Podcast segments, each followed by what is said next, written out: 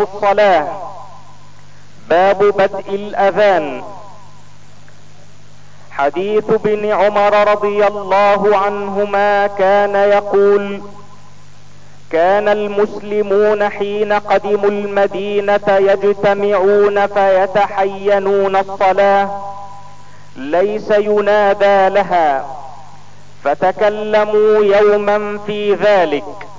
فقال بعضهم اتخذوا ناقوسا مثل ناقوس النصارى. وقال بعضهم بل بوقا مثل بوق اليهود. فقال عمر رضي الله عنه أولا تبعثون رجلا ينادي بالصلاة؟ فقال رسول الله صلى الله عليه وسلم يا بلال قم فناد بالصلاة. باب الأمر بشفع الأذان وايتار الإقامة. حديث أنس رضي الله عنه قال ذكروا النار والناقوس فذكروا اليهود والنصارى فأمر بلال أن يشفع الأذان وأن يوتر الإقامة. باب القول مثل قول المؤذن لمن سمعه ثم يصلي على النبي صلى الله عليه وسلم ثم يسأل له الوسيلة.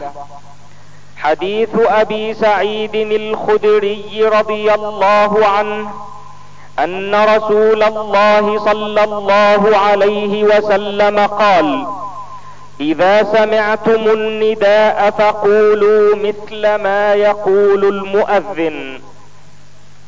باب فضل الأذان وهرب الشيطان عند سماعه.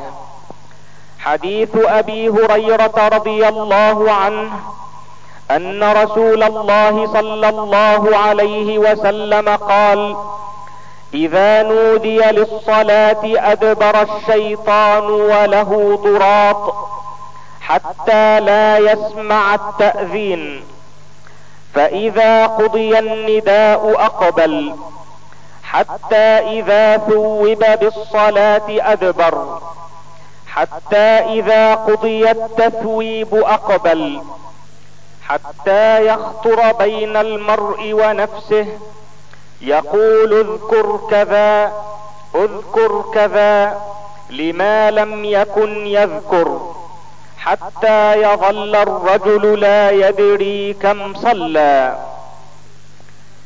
باب استحباب رفع اليدين حذو المنكبين مع تكبيرة الإحرام والركوع وفي الرفع من الركوع وأنه لا يفعله إذا رفع من السجود.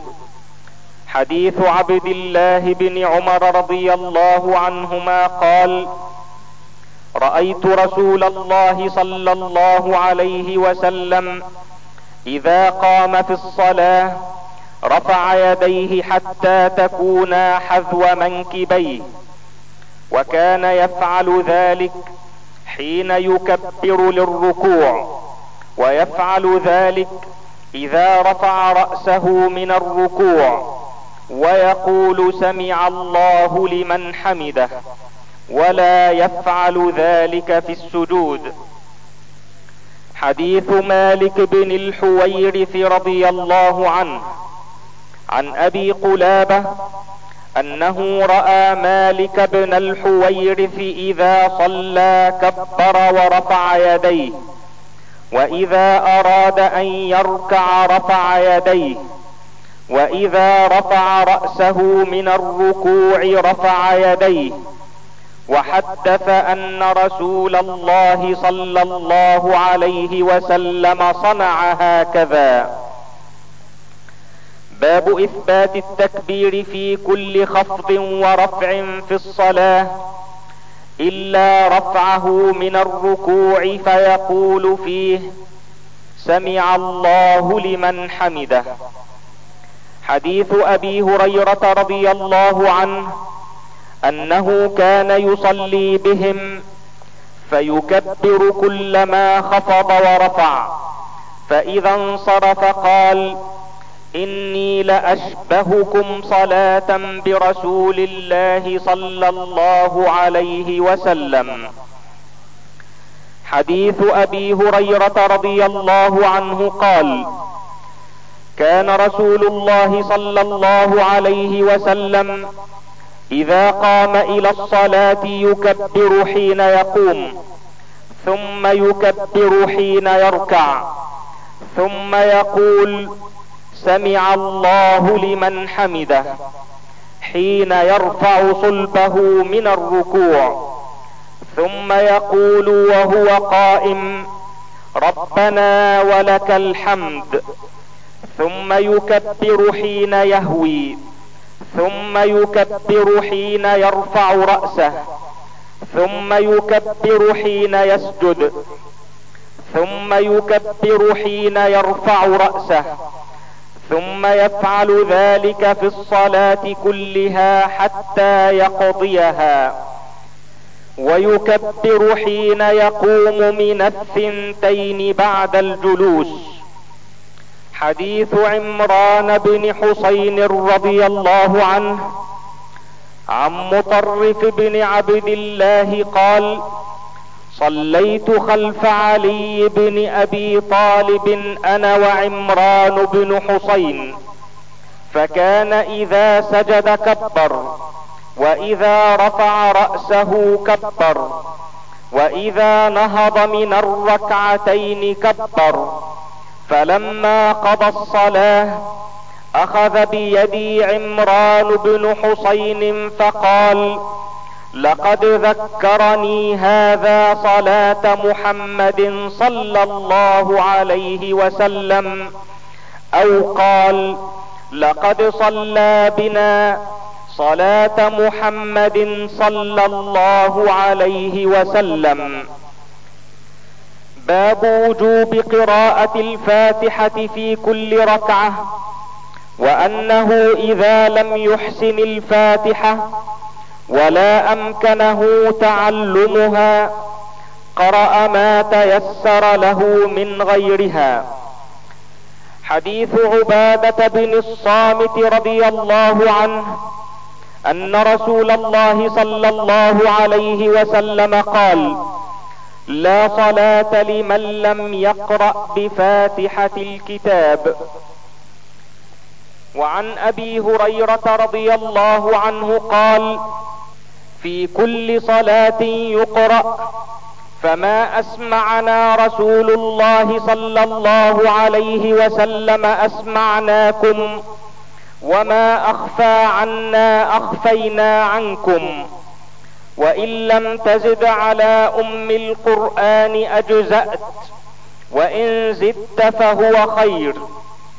وعن أبي هريرة رضي الله عنه أن النبي صلى الله عليه وسلم دخل المسجد فدخل رجل فصلى ثم جاء فسلم على النبي صلى الله عليه وسلم.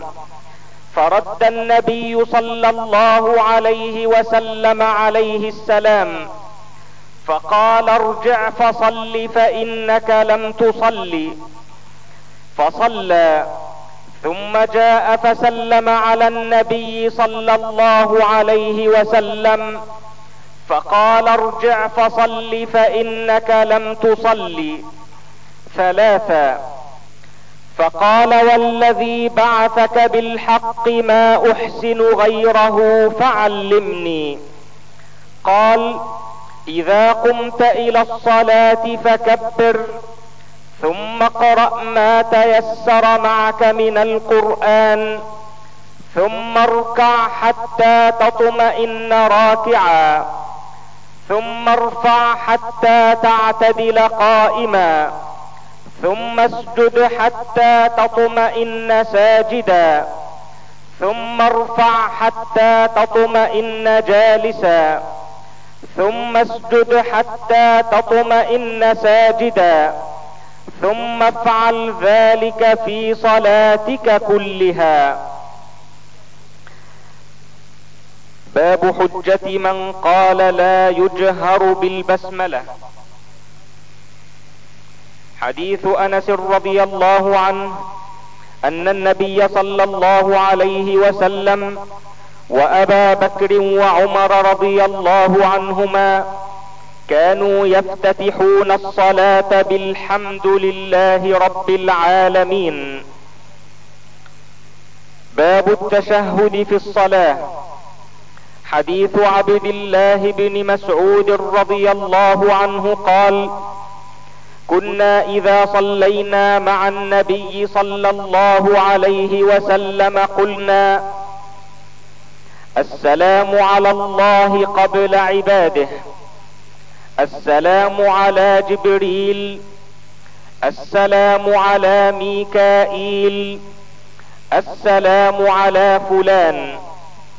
فلما انصرف النبي صلى الله عليه وسلم أقبل علينا بوجهه فقال إن الله هو السلام فإذا جلس أحدكم في الصلاة فليقل التحيات لله والصلوات والطيبات السلام عليك أيها النبي ورحمة الله وبركاته.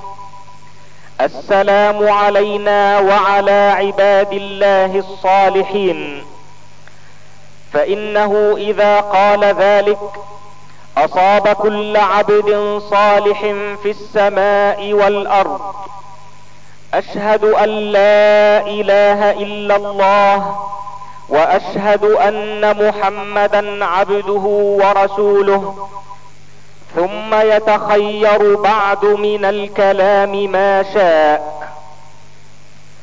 باب الصلاة على النبي صلى الله عليه وسلم بعد التشهد.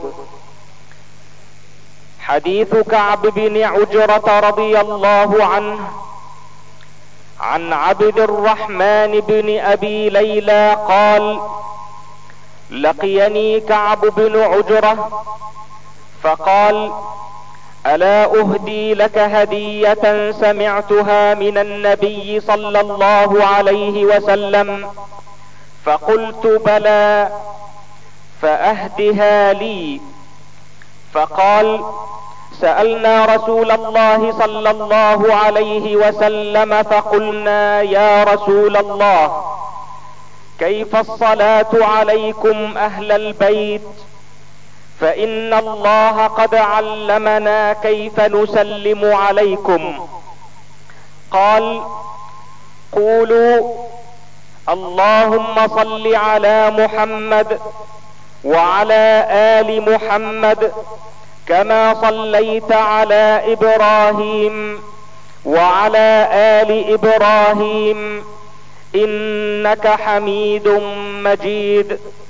اللهم بارك على محمد وعلى آل محمد كما باركت على إبراهيم وعلى آل إبراهيم إنك حميد مجيد. وعن أبي حميد الساعدي رضي الله عنه أنهم قالوا يا رسول الله كيف نصلي عليك؟ فقال رسول الله صلى الله عليه وسلم قولوا اللهم صل على محمد وأزواجه وذريته كما صليت على آل إبراهيم وبارك على محمد وأزواجه وذريته كما باركت على آل إبراهيم. إنك حميد مجيد. باب التسميع والتحميد والتأمين. حديث أبي هريرة رضي الله عنه أن رسول الله صلى الله عليه وسلم قال إذا قال الإمام سمع الله لمن حمده فقولوا اللهم ربنا ولك الحمد. فإنه من وافق قوله قول الملائكة غفر له ما تقدم من ذنبه. وعن أبي هريرة رضي الله عنه أن رسول الله صلى الله عليه وسلم قال إذا قال أحدكم آمين وقالت الملائكة في السماء آمين. فوافقت إحداهما الأخرى غفر له ما تقدم من ذنبه. وعن أبي هريرة رضي الله عنه أن رسول الله صلى الله عليه وسلم قال إذا قال الإمام غير المغضوب عليهم ولا الضالين. فقولوا آمين. فإنه من وافق قوله قول الملائكة غفر له ما تقدم من ذنبه. باب ائتمام المأموم بالإمام. حديث أنس بن مالك رضي الله عنه قال سقط رسول الله صلى الله عليه وسلم عن فرس فجحش شقه الأيمن. فدخلنا عليه نعوده فحضرت الصلاة فصلى بنا قاعدا فقعدنا.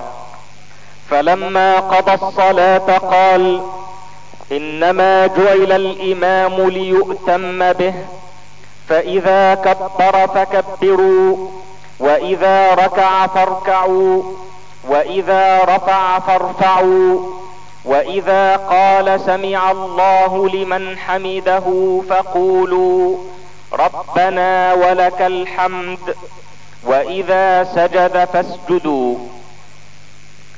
وعن عائشة أم المؤمنين رضي الله عنها أنها قالت صلى رسول الله صلى الله عليه وسلم في بيته وهو شاك فصلى جالسا وصلى وراءه قوم قياما فأشار إليهم أن اجلسوا فلما انصرف قال إنما جعل الإمام ليؤتم به فإذا ركع فاركعوا وإذا رفع فارفعوا وإذا صلى جالسا فصلوا جلوسا.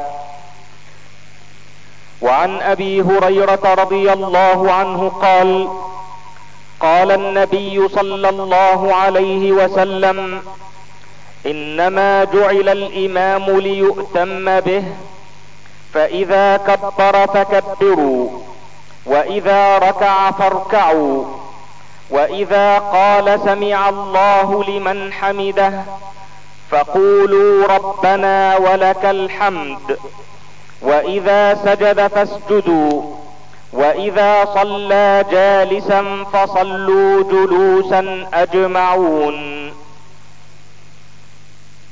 باب استخلاف الإمام إذا عرض له عذر من مرض وسفر وغيرهما. من يصلي بالناس. حديث عائشة رضي الله عنها. عن عبيد الله بن عبد الله بن عتبة قال دخلت على عائشة فقلت ألا تحدثيني عن مرض رسول الله صلى الله عليه وسلم؟ قالت بلى. ثقل النبي صلى الله عليه وسلم فقال اصلى الناس؟ قلنا لا هم ينتظرونك. قال ضعوا لي ماء في المخضب. قالت ففعلنا. فقعد فاغتسل. ثم ذهب لينوء فأغمي عليه ثم أفاق. فقال صلى الله عليه وسلم أصلى الناس؟ قلنا لا هم ينتظرونك يا رسول الله. قال ضعوا لي ماء في المخضب. قالت فقعد فاغتسل ثم ذهب لينوء فأغمي عليه ثم أفاق فقال أصلى الناس؟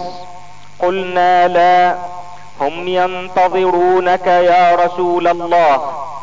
فقال ضعوا لي ماء في المخضب. فقعد فاغتسل.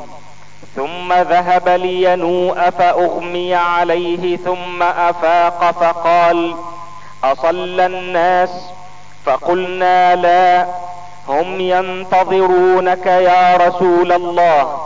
والناس عكوف في المسجد ينتظرون النبي صلى الله عليه وسلم لصلاة العشاء الآخرة. فأرسل النبي صلى الله عليه وسلم إلى بكر بأن يصلي بالناس. فأتاه الرسول فقال إن رسول الله صلى الله عليه وسلم يأمرك أن تصلي بالناس.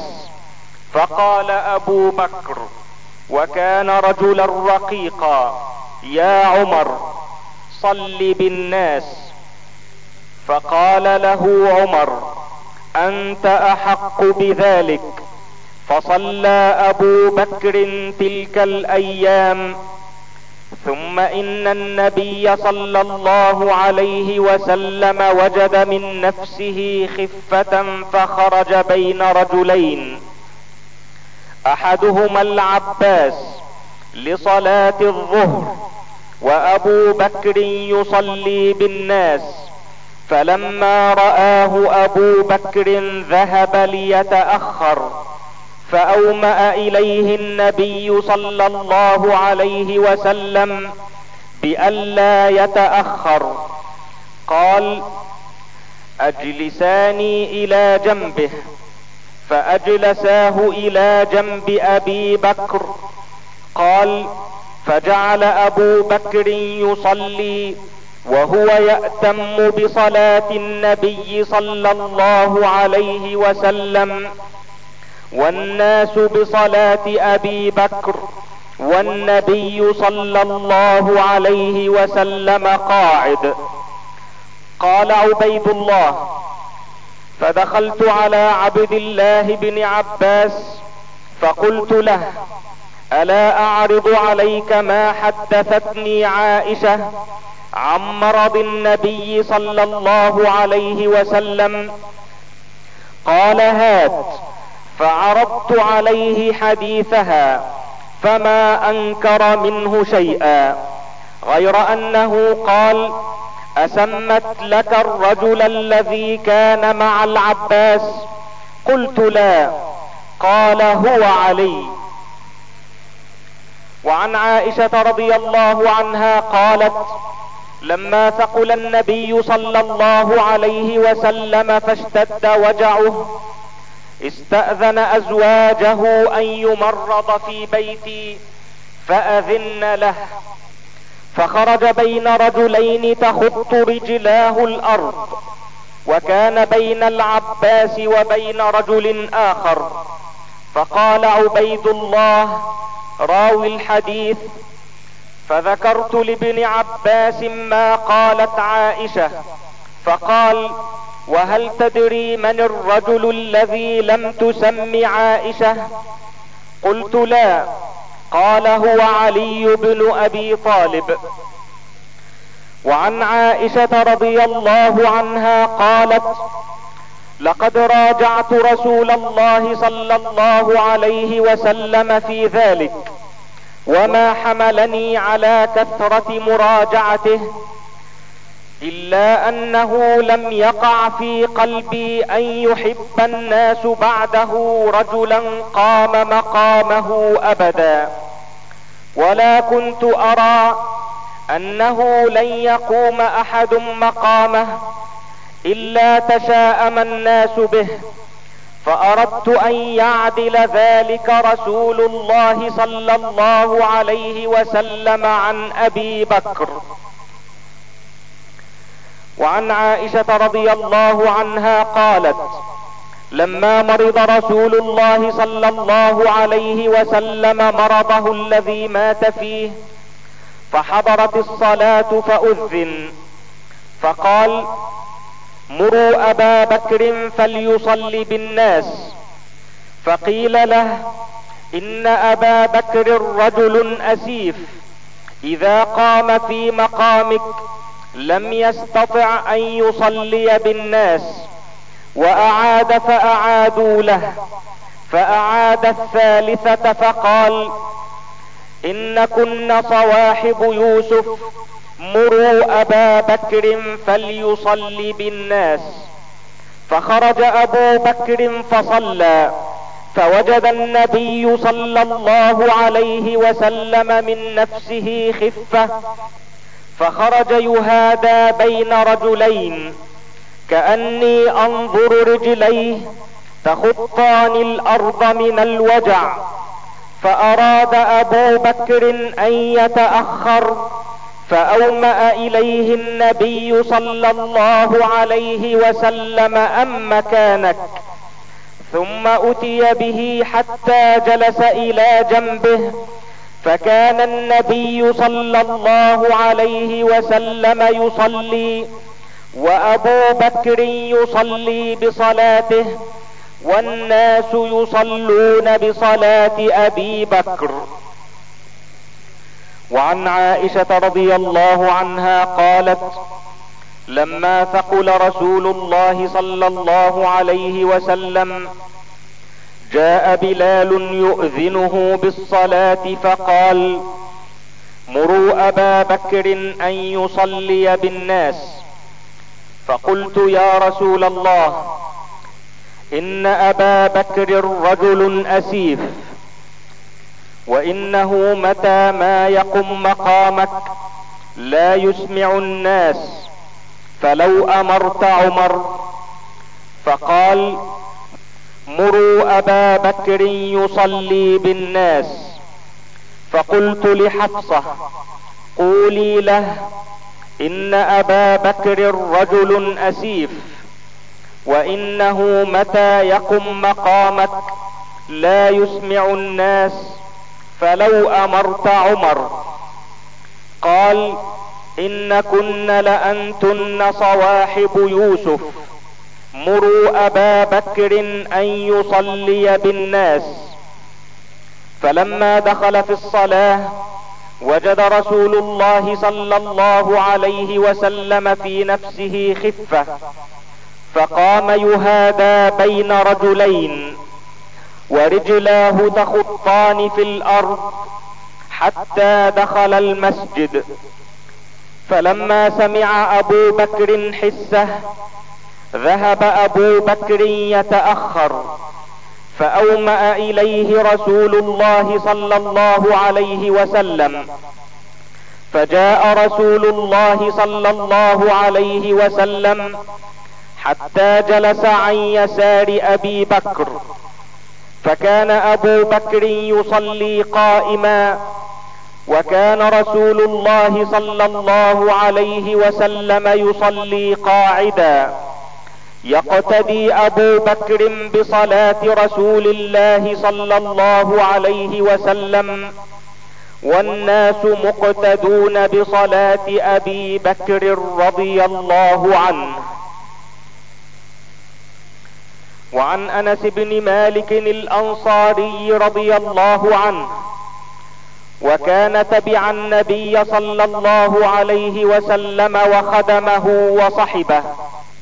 أن أبا بكر كان يصلي لهم في وجع النبي صلى الله عليه وسلم الذي توفي فيه حتى إذا كان يوم الاثنين وهم صفوف في الصلاة فكشف النبي صلى الله عليه وسلم ستر الحجرة ينظر إلينا وهو قائم كأن وجهه ورقة مصحف ثم تبسم يضحك. فهممنا أن نفتتن من الفرح برؤية النبي صلى الله عليه وسلم. فنكص أبو بكر على عقبيه ليصل الصف وظن أن النبي صلى الله عليه وسلم خارج إلى الصلاة. فأشار إلينا النبي صلى الله عليه وسلم أن أتموا صلاتكم وأرخى الستر فتوفي من يومه. وعن أنس رضي الله عنه قال لم يخرج النبي صلى الله عليه وسلم ثلاثا فأقيمت الصلاة فذهب أبو بكر يتقدم. فقال نبي الله صلى الله عليه وسلم بالحجاب فرفعه. فلما وضح وجه النبي صلى الله عليه وسلم ما نظرنا منظرا كان أعجب إلينا من وجه النبي صلى الله عليه وسلم حين وضح لنا. فأومأ النبي صلى الله عليه وسلم بيده إلى أبي بكر أن يتقدم. وأرخى النبي صلى الله عليه وسلم الحجاب فلم يقدر عليه حتى مات. وعن أبي موسى رضي الله عنه قال مرض النبي صلى الله عليه وسلم فاشتد مرضه فقال مروا أبا بكر فليصلي بالناس. قالت عائشة إنه رجل رقيق. إذا قام مقامك لم يستطع أن يصلي بالناس. قال مروا أبا بكر فليصلي بالناس. فعادت فقال مري أبا بكر فليصلي بالناس. فإنكن صواحب يوسف. فأتاه الرسول فصلى بالناس في حياة النبي صلى الله عليه وسلم. باب تقديم الجماعة من يصلي بهم إذا تأخر الإمام ولم يخافوا مفسدة بالتقديم.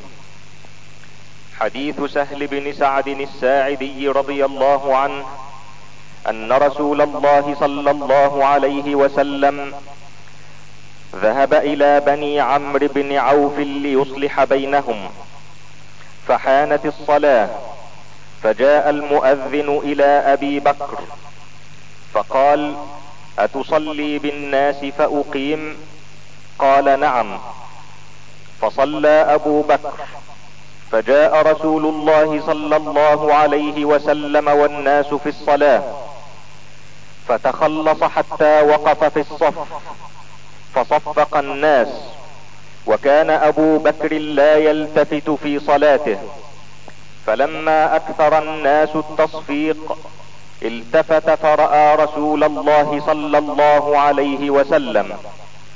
فأشار إليه رسول الله صلى الله عليه وسلم أن امكث مكانك.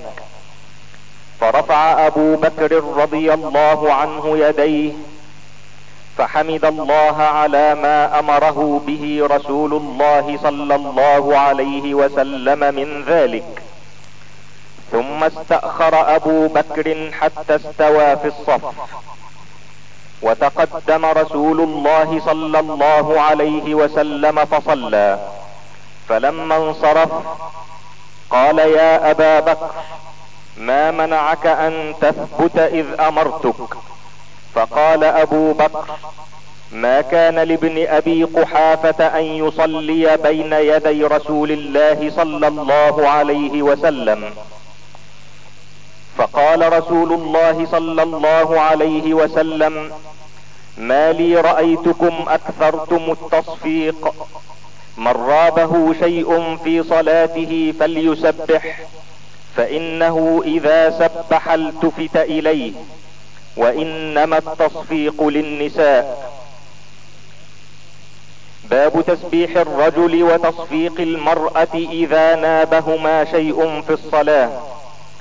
حديث أبي هريرة رضي الله عنه عن النبي صلى الله عليه وسلم قال التسبيح للرجال والتصفيق للنساء.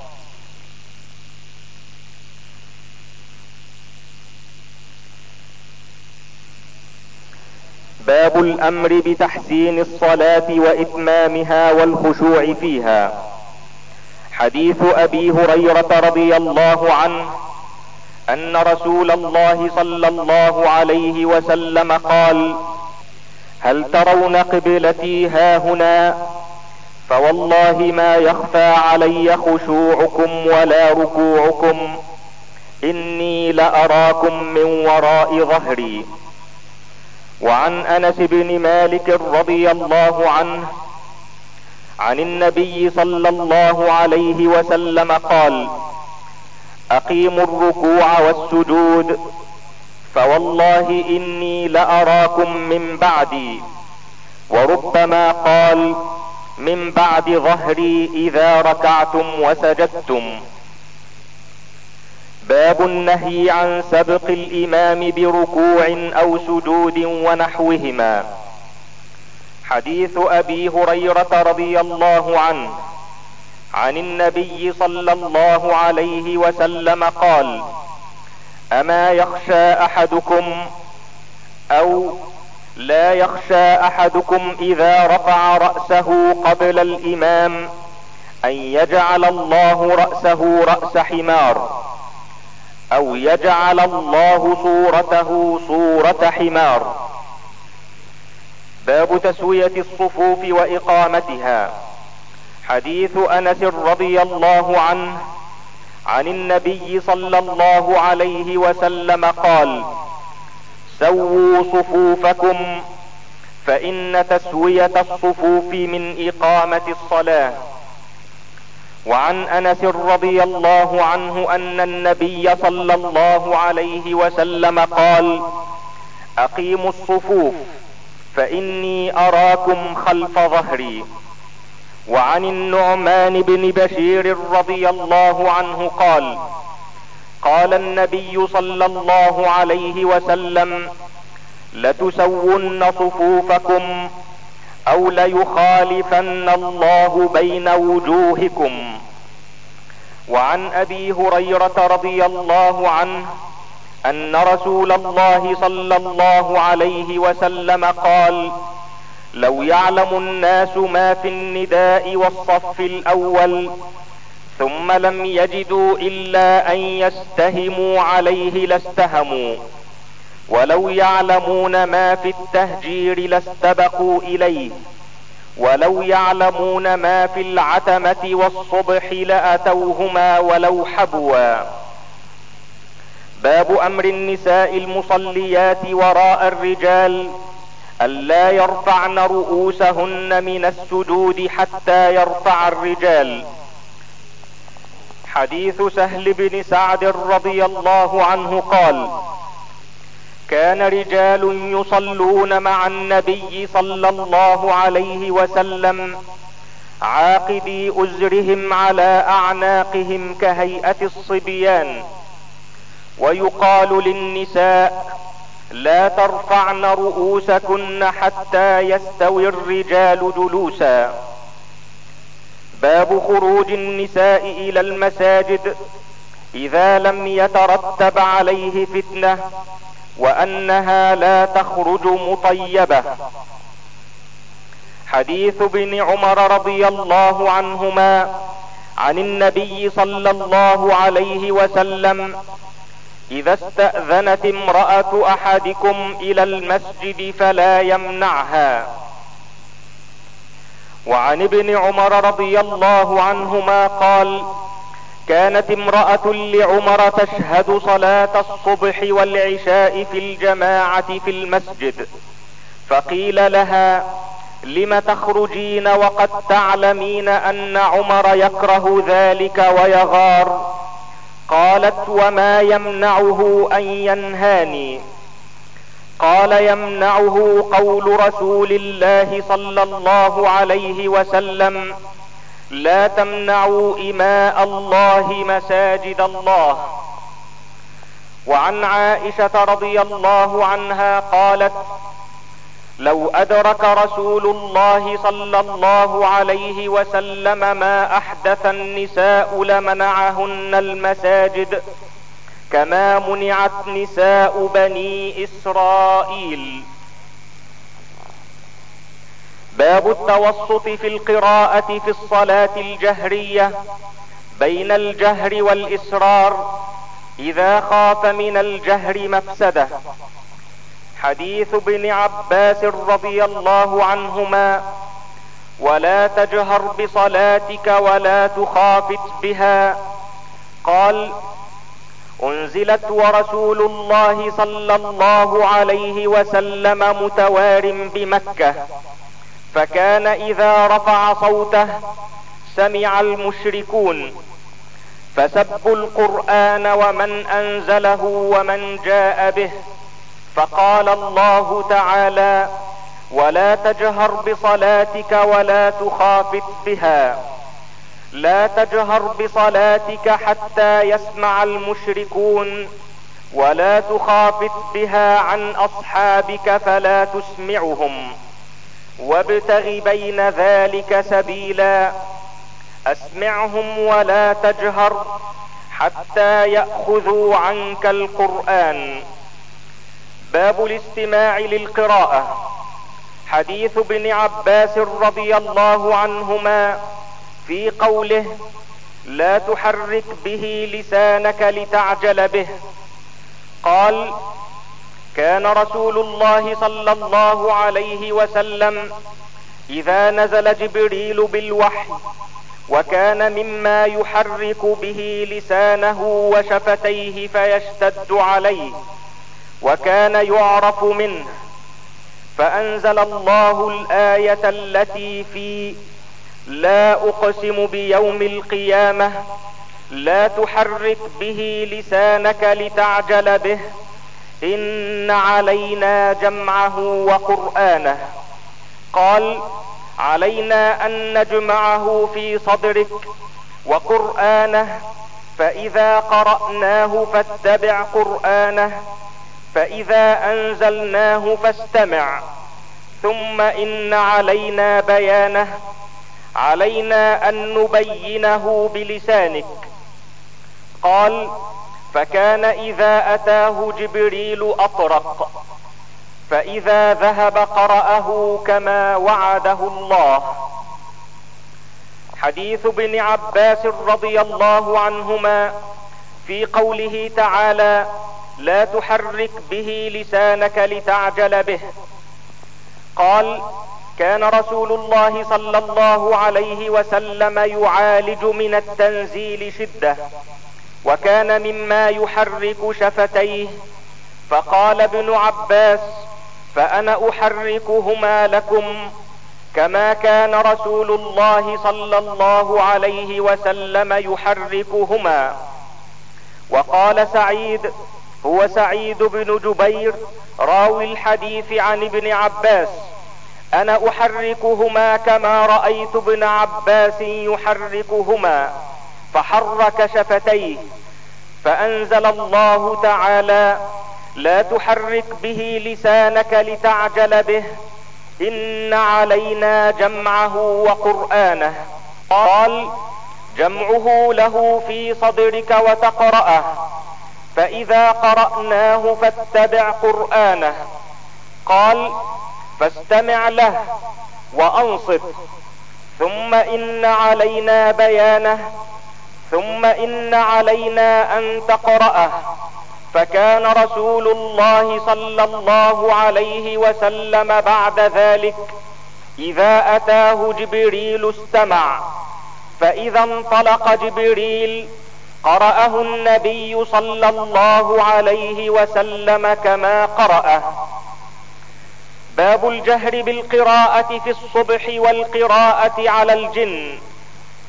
حديث ابن عباس رضي الله عنهما قال انطلق النبي صلى الله عليه وسلم في طائفة من أصحابه عامدين إلى سوق عكاظ وقد حيل بين الشياطين وبين خبر السماء وأرسلت عليهم الشهب فرجعت الشياطين إلى قومهم فقالوا ما لكم؟ قالوا حيل بيننا وبين خبر السماء وأرسلت علينا الشهب. قالوا ما حال بينكم وبين خبر السماء إلا شيء حدث. فاضربوا مشارق الأرض ومغاربها. فانظروا ما هذا الذي حال بينكم وبين خبر السماء. فانصرف أولئك الذين توجهوا نحو تهامة إلى النبي صلى الله عليه وسلم وهو بنخلة عامدين إلى سوق عكاظ وهو يصلي بأصحابه صلاة الفجر. فلما سمعوا القرآن استمعوا له فقالوا هذا والله الذي حال بينكم وبين خبر السماء فهنالك حين رجعوا إلى قومهم فقالوا يا قومنا إنا سمعنا قرآنا عجبا يهدي إلى الرشد فآمنا به ولن نشرك بربنا أحدا. فأنزل الله على نبيه صلى الله عليه وسلم. قل أوحي إلي أنه استمع نفر من الجن وإنما أوحي إليه قول الجن. باب القراءة في الظهر والعصر. حديث أبي قتادة رضي الله عنه قال كان النبي صلى الله عليه وسلم يقرأ في الركعتين الأوليين من صلاة الظهر بفاتحة الكتاب وسورتين يطول في الأولى ويقصر في الثانية ويسمع الآية أحيانا وكان يقرأ في العصر بفاتحة الكتاب وسورتين وكان يطول في الأولى وكان يطول في الركعة الأولى من صلاة الصبح ويقصر في الثانية. حديث سعد بن أبي وقاص رضي الله عنه. عن جابر بن سمرة قال شكى أهل الكوفة سعدا إلى عمر رضي الله عنه فعزله واستعمل عليهم عمارا. فشكوا حتى ذكروا أنه لا يحسن يصلي. فأرسل إليه فقال يا أبا إسحاق إن هؤلاء يزعمون أنك لا تحسن تصلي. قال أبو إسحاق أما أنا والله فإني كنت أصلي بهم صلاة رسول الله صلى الله عليه وسلم ما أخرم عنها. أصلي صلاة العشاء فاركد في الأوليين وأحذف في الأخريين. قال ذاك الظن بك يا أبا إسحاق فأرسل معه رجلا أو رجالا إلى الكوفة فسأل عنه أهل الكوفة ولم يدع مسجدا إلا سأل عنه ويثنون معروفا. حتى دخل مسجدا لبني عبس فقال رجل منهم يقال له أسامة بن قتادة يكنى أبا سعدة فقال أما إذ نشدتنا فإن سعدا كان لا يسير بالسرية ولا يقسم بالسوية ولا يعدل في القضية. قال سعد أما والله لأدعون بثلاث. اللهم إن كان عبدك هذا كاذبا قام رياء وسمعة فأطل عمره وأطل فقره وعرضه بالفتن. قال فكان بعد إذا سئل يقول شيخ كبير مفتون أصابتني دعوة سعد. قال عبد الملك أحد رواة هذا الحديث فأنا رأيته بعد قد سقط حاجباه على عينيه من الكبر وإنه ليتعرض للجواري في الطرق يغمزهن. باب القراءة في الصبح والمغرب. حديث أبي برزة رضي الله عنه قال كان النبي صلى الله عليه وسلم يصلي الصبح وأحدنا يعرف جليسه ويقرأ فيها ما بين الستين إلى المئة ويصلي الظهر إذا زالت الشمس والعصر وأحدنا يذهب إلى أقصى المدينة ثم يرجع والشمس حية ولا يبالي بتأخير العشاء إلى ثلث الليل. حديث أم الفضل رضي الله عنها عن ابن عباس رضي الله عنهما أنه قال إن أم الفضل سمعته وهو يقرأ والمرسلات عرفا فقالت يا بني والله لقد ذكرتني بقراءتك هذه السورة. إنها لآخر ما سمعت من رسول الله صلى الله عليه وسلم يقرأ بها في المغرب. وعن جبير بن مطعم رضي الله عنه قال سمعت رسول الله صلى الله عليه وسلم يقرأ في المغرب بالطور. باب القراءة في العشاء. حديث البراء رضي الله عنه أن النبي صلى الله عليه وسلم كان في سفر فقرأ في العشاء في إحدى الركعتين بالتين والزيتون. حديث جابر بن عبد الله رضي الله عنه أن معاذ بن جبل رضي الله عنه كان يصلي مع النبي صلى الله عليه وسلم ثم يأتي قومه فيصلي بهم الصلاة فقرأ بهم البقرة. قال فتجوز رجل فصلى صلاة خفيفة فبلغ ذلك معاذا. فقال إنه منافق. فبلغ ذلك الرجل. فأتى النبي صلى الله عليه وسلم فقال يا رسول الله إنا قوم نعمل بأيدينا ونسقي بنواضحنا وإن معاذا صلى بنا البارحة فقرأ البقرة فتجوزت فزعم أني منافق. فقال النبي صلى الله عليه وسلم يا معاذ أفتان أنت؟ ثلاثا اقرأ والشمس وضحاها وسبح اسم ربك الأعلى ونحوها. باب أمر الأئمة بتخفيف الصلاة في تمام. حديث أبي مسعود الأنصاري رضي الله عنه قال جاء رجل إلى رسول الله صلى الله عليه وسلم فقال يا رسول الله إني والله لأتأخر عن صلاة الغداة من أجل فلان مما يطيل بنا فيها. قال فما رأيت النبي صلى الله عليه وسلم قط أشد غضبا في موعظة منه يومئذ.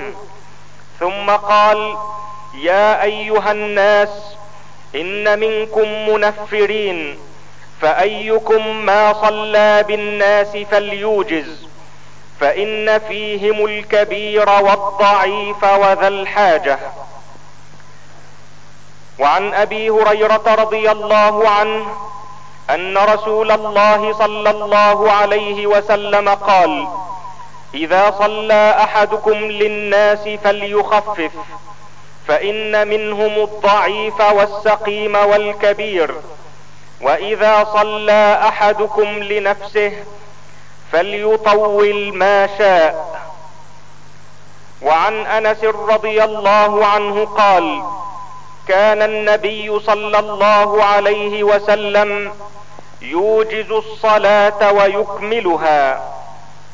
وعن أنس بن مالك رضي الله عنه قال ما صليت وراء إماما قط أخف صلاة ولا أتم من النبي صلى الله عليه وسلم وإن كان ليسمع بكاء الصبي فيخفف مخافة أن تفتن أمه.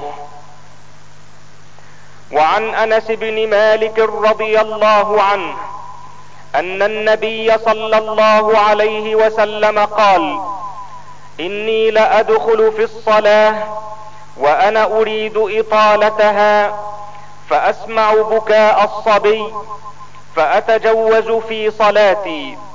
مما أعلم من شدة وجد أمه من بكائه. باب اعتدال أركان الصلاة وتخفيفها في تمام. حديث البراء رضي الله عنه قال كان ركوع النبي صلى الله عليه وسلم وسجوده وبين السجدتين وإذا رفع رأسه من الركوع ما خلا القيام والقعود قريبا من السواء. وعن أنس رضي الله عنه قال إني لا ألو أن أصلي بكم كما رأيت النبي صلى الله عليه وسلم يصلي بنا. قال ثابت راوي هذا الحديث كان أنس يصنع شيئا لم أركم تصنعونه. كان إذا رفع رأسه من الركوع قام حتى يقول القائل قد نسي. وبين السجدتين حتى يقول القائل قد نسي. باب متابعة الإمام والعمل بعده. حديث البراء بن عازب رضي الله عنه قال كنا نصلي خلف النبي صلى الله عليه وسلم فإذا قال سمع الله لمن حمده لم يحن أحد منا ظهره حتى يضع النبي صلى الله عليه وسلم جبهته على الأرض باب ما يقال في الركوع والسجود. حديث عائشة رضي الله عنها قالت كان النبي صلى الله عليه وسلم يكثر أن يقول في ركوعه وسجوده سبحانك اللهم ربنا وبحمدك اللهم اغفر لي. يتأول القرآن. باب أعضاء السجود والنهي عن كف الشعر والثوب وعقص الرأس في الصلاة. حديث ابن عباس رضي الله عنه قال أمر النبي صلى الله عليه وسلم أن يسجد على سبعة أعضاء ولا يكف شعرا ولا ثوبا. الجبهة واليدين والركبتين والرجلين. باب ما يجمع صفة الصلاة وما يفتتح به ويختم به. حديث عبد الله بن مالك بن بحينة رضي الله عنه أن النبي صلى الله عليه وسلم كان إذا صلى فرج بين يديه حتى يبدو بياض إبطيه. باب سترة المصلي. حديث ابن عمر رضي الله عنهما أن رسول الله صلى الله عليه وسلم كان إذا خرج يوم العيد أمر بالحربة فتوضع بين يديه فيصلي إليها. والناس وراءه وكان يفعل ذلك في السفر فمن ثم اتخذها الأمراء. وعن ابن عمر رضي الله عنهما عن النبي صلى الله عليه وسلم أنه كان يعرض راحلته فيصلي إليها. وعن أبي جحيفة رضي الله عنه أنه رأى بلالا يؤذن. فجعلت أتتبع فاه ها هنا وها هنا بالأذان. وعن أبي جحيفة رضي الله عنه قال رأيت رسول الله صلى الله عليه وسلم في قبة حمراء من أدم ورأيت بلالا أخذ وضوء رسول الله صلى الله عليه وسلم. ورأيت الناس يبتدرون ذاك الوضوء فمن أصاب منه شيئا تمسح به ومن لم يصب منه شيئا أخذ من بلل يد صاحبه. ثم رأيت بلالا أخذ عنزة فركزها وخرج النبي صلى الله عليه وسلم في حلة حمراء مشمرا. صلى إلى العنزة بالناس ركعتين. ورأيت الناس والدواب يمرون بين يدي العنزة. وعن عبد الله بن عباس رضي الله عنهما قال أقبلت راكبا على حمار أتان وأنا يومئذ قد ناهزت الاحتلام. ورسول الله صلى الله عليه وسلم يصلي بمنى إلى غير جدار. فمررت بين يدي بعض الصف وأرسلت الأتان ترتع فدخلت في الصف. فلم ينكر ذلك علي باب منع المار بين يدي المصلي. حديث أبي سعيد الخدري رضي الله عنه. قال أبو صالح السمان رأيت أبا سعيد الخدري في يوم جمعة يصلي إلى شيء يستره من الناس.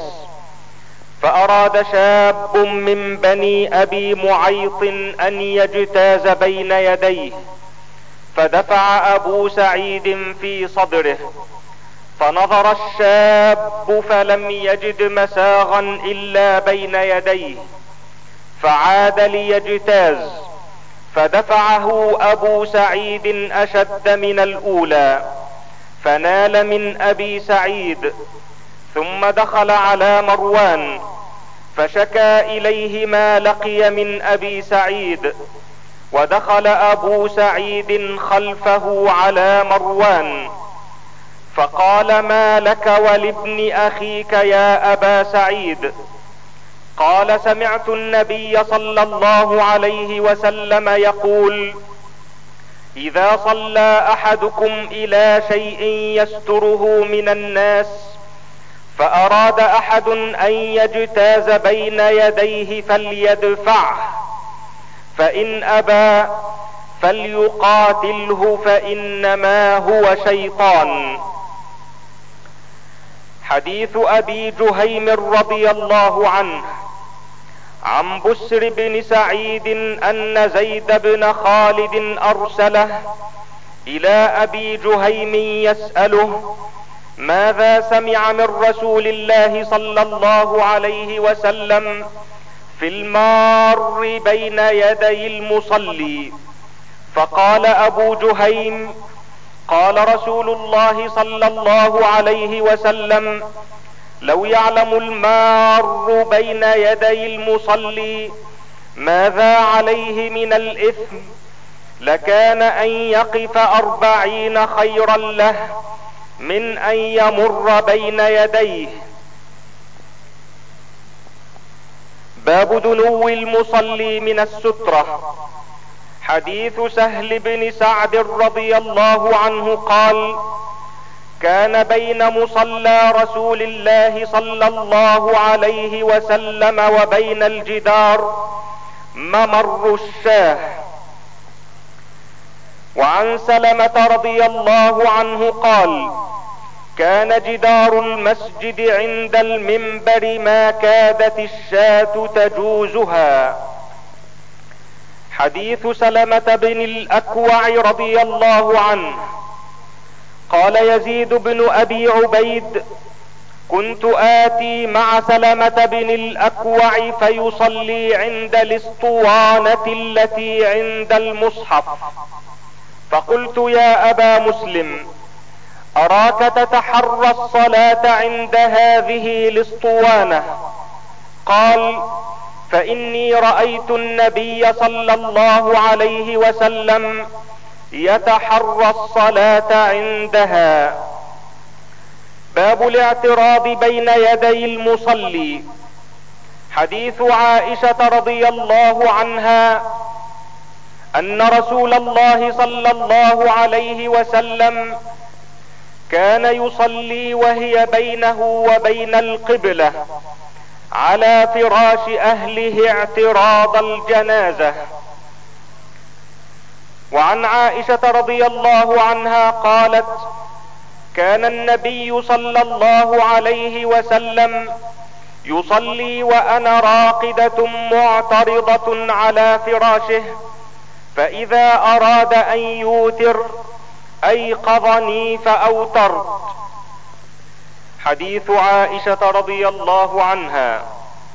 عن مسروق قال ذكر عندها أي عائشة ما يقطع الصلاة الكلب والحمار والمرأة. فقالت شبهتمونا بالحمر والكلاب.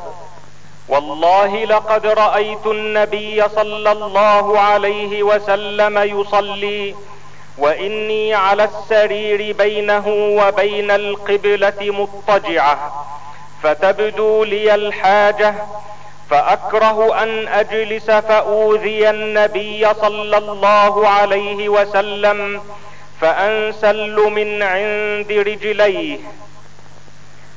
وعن عائشة رضي الله عنها قالت أعدلتمونا بالكلب والحمار لقد رأيتني مضطجعة على السرير فيجيء النبي صلى الله عليه وسلم فيتوسط السرير فيصلي فأكره أن أسنحه فأنسل من قبل رجلي السرير حتى أنسل من لحافي.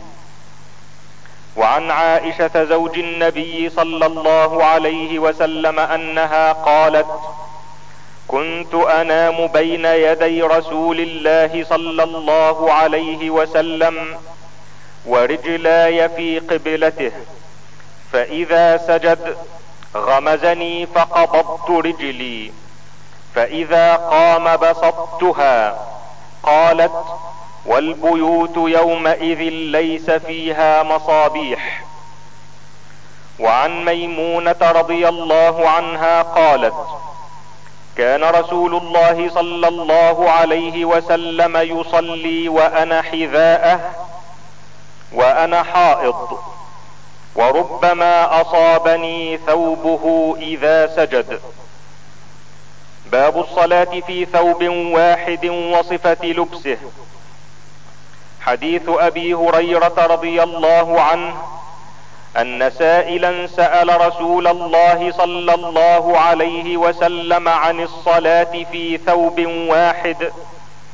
فقال رسول الله صلى الله عليه وسلم أولكلكم ثوبان وعن أبي هريرة رضي الله عنه قال قال النبي صلى الله عليه وسلم لا يصلي أحدكم في الثوب الواحد ليس على عاتقه شيء. حديث عمر بن أبي سلمة رضي الله عنه قال رأيت رسول الله صلى الله عليه وسلم يصلي في ثوب واحد مشتملا به في بيت أم سلمة واضعا طرفيه على عاتقيه. حديث جابر بن عبد الله رضي الله عنه. قال محمد بن المنكدر رأيت جابر بن عبد الله يصلي في ثوب واحد وقال رأيت النبي صلى الله عليه وسلم يصلي في ثوب.